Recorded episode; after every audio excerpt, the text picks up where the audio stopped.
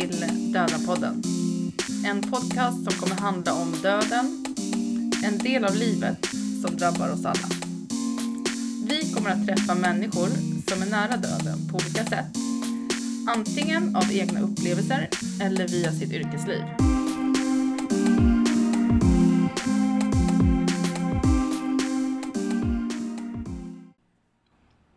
Hej allihopa! Kul att ni har hittat hit igen.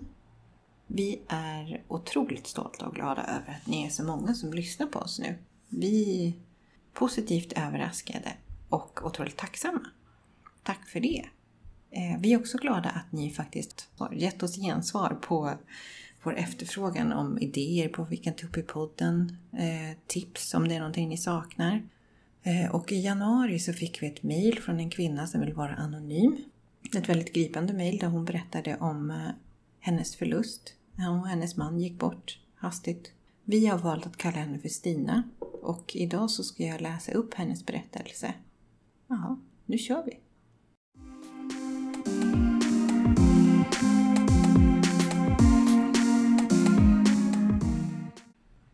Här är alltså Stinas berättelse. Hon skriver så här.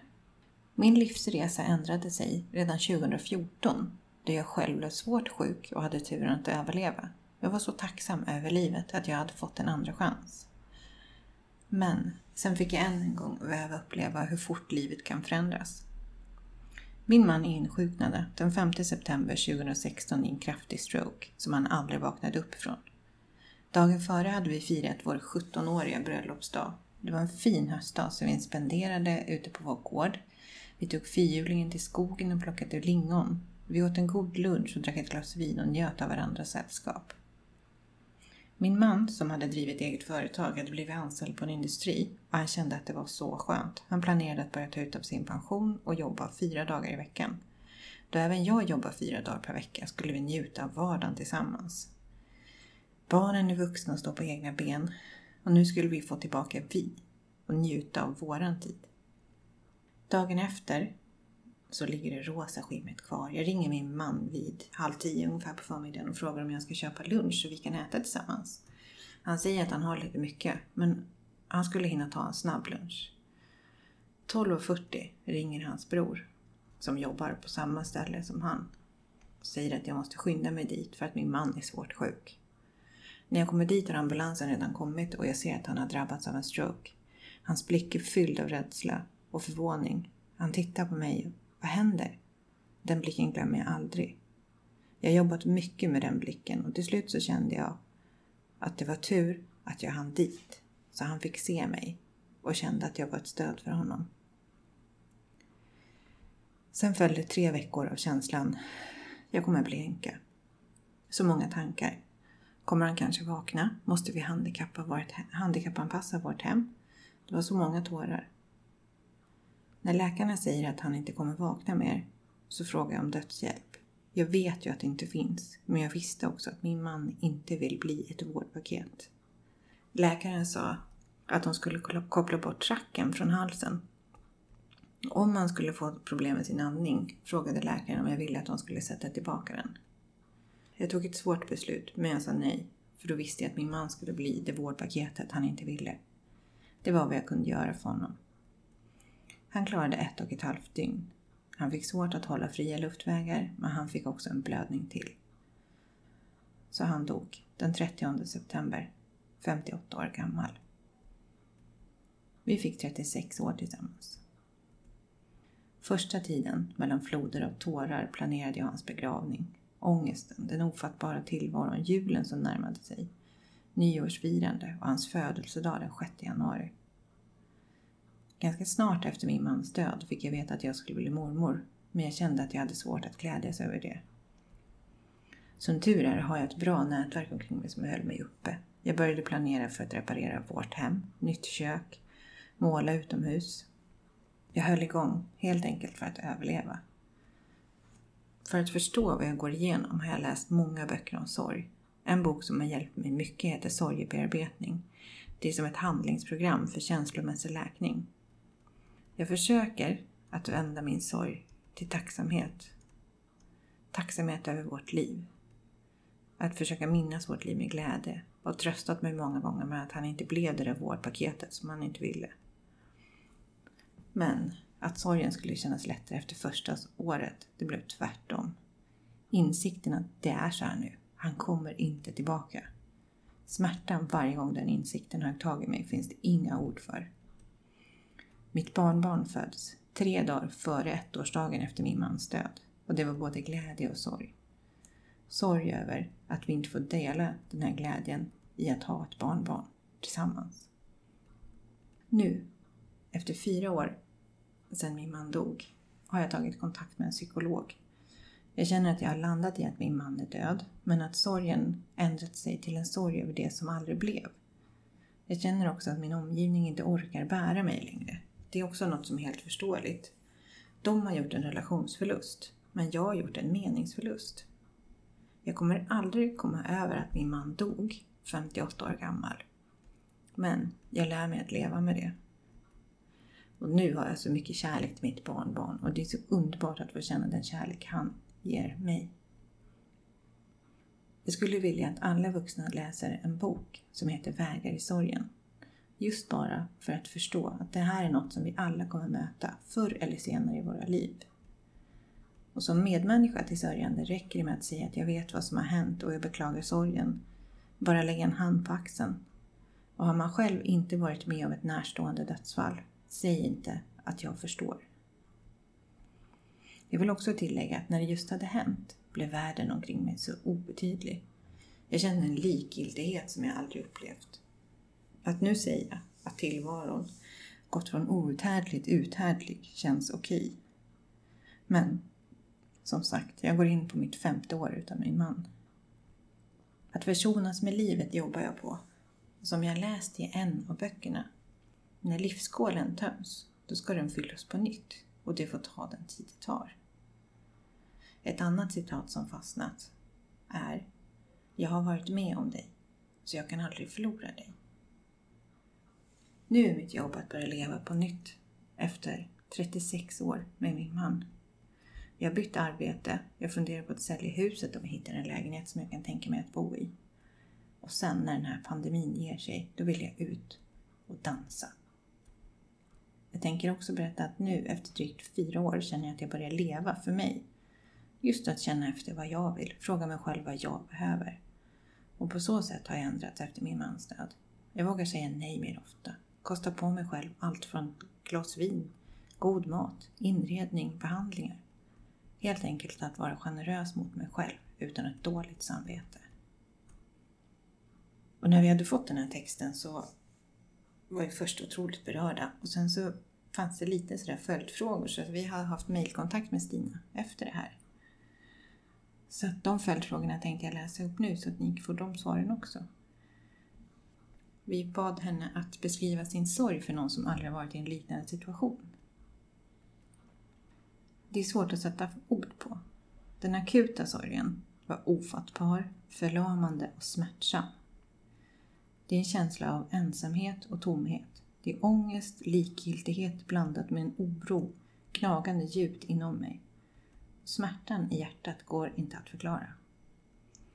Efter fyra år, nu idag, känner jag vemod, ensamhet och kan också bryta, bryta ihop ibland och gråta så att jag blir helt tomt. En annan sak vi undrade var hur hon har förändrats som person. Stina har några andra värderingar och prioriteringar än tidigare. Och hon svarade då att jag känner att jag inte orkar bry mig så mycket om samhällets problem. Sen har jag sorterat bort tv-program, som typ Farmen och byggprogram och sånt där. Jag orkar inte med tjafsprogram om du förstår vad jag menar. Eh, jag har en kropp som verkar, men det känns inte så jobbigt längre efter min mans död. Jag tillåter mig att bara vara, har jobbat på att släppa alla måsten, jobba mindre, planera för framtiden men jag vet att livet kan ändras så jag längtar med försiktighet. Det som var viktigt förr är inte viktigt på samma sätt längre. Min familj, mina syskon, vänner och mina grannar är guld värda. En till fråga vi undrade var, har ditt synsätt på döden förändrats? Och Stina säger, jag hoppas att jag inte överlever mina barn. Döden var jag själv nära att möta 2014 och jag känner att jag inte är rädd för att dö.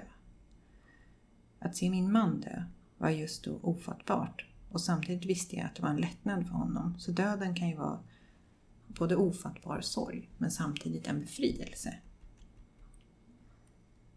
Eh, sen bad vi också henne om om hon träffar någon annan som har drabbats av en liknande tragedi, vilket råd skulle hon ge till den människan då? Ta emot all hjälp du kan få. Läs så många böcker om sorgebearbetning du orkar. Försök att umgås med nära, kära, vänner. Visa din sorg och våga be om hjälp. Och sista frågan vi undrade var såklart, vad vill du att lyssnarna ska ta med sig efter att ha hört din berättelse? Jag önskar verkligen att vi vågar prata mer om döden.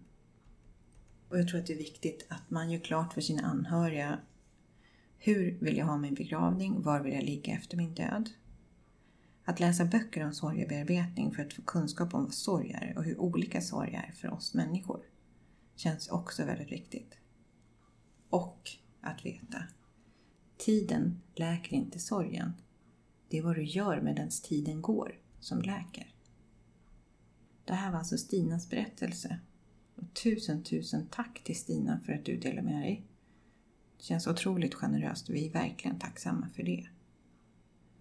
Och självklart så undrar man ju då, ni, det, jag vet ju att det tyvärr finns fler där ute som har förlorat sina män. Och kan man känna igen sig i det som Stina berättar? Finns det några tankar om precis så där kände jag också? Precis så där. Eller känner ni att oj, vad intressant. Eh, så där upplevde jag det verkligen inte själv. Ja, vad det än är. Ni får väldigt, väldigt gärna höra av er som vanligt. Vi finns på Instagram, vi finns på Facebook, vi har vår hemsida, Dodenpodden.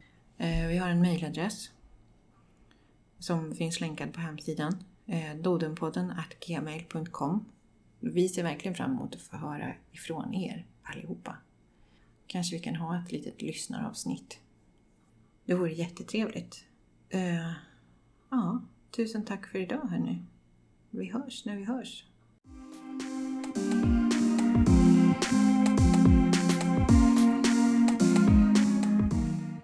Så, och som eh, Stina skrev till oss så har ju böcker varit väldigt viktigt för henne i hennes, under hennes läkningsprocess. Och jag vet att du Linné också har läst många böcker.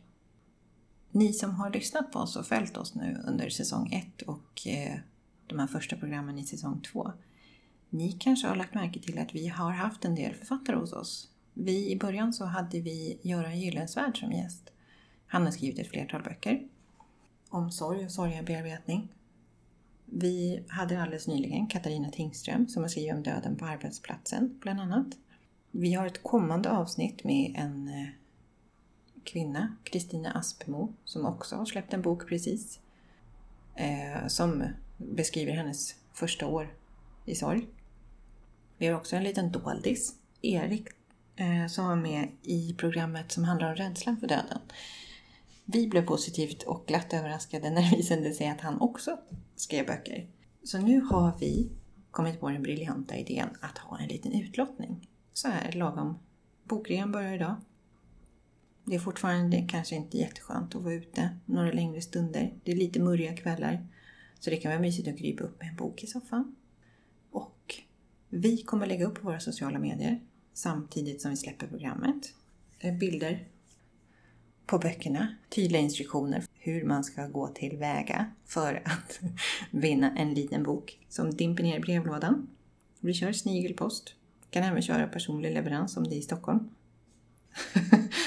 eh, ja, för er som är intresserade, kika in på våra sociala medier. Vi lägger upp oss på Facebook och Instagram direkt efter programmet. Lycka till!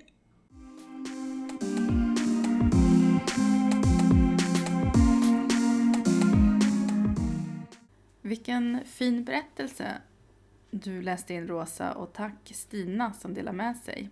Och en sak som jag tycker är slående när man lyssnar är att sorg tar ju lång tid. Um, och det är ju viktigt att vi kan vara medvetna om det. Dels själva om vi drabbas och ha tålamod och försöka stå ut. Och, och dels vi runt omkring att förstå att det tar tid. Jag vill tacka alla fina författare som har skänkt böcker och eh, hoppas att det kommer bli till nytta för er som lyssnar. Och sen vill jag säga att den här säsongen kommer fortsätta. Vi eh, åker lite på roadtrip upp till Gävle och ska träffa en kvinna som är engagerad i RAV, en organisation. Och eh, andra. Så att eh, på återhörande och ta hand om er där ute. Hej hej!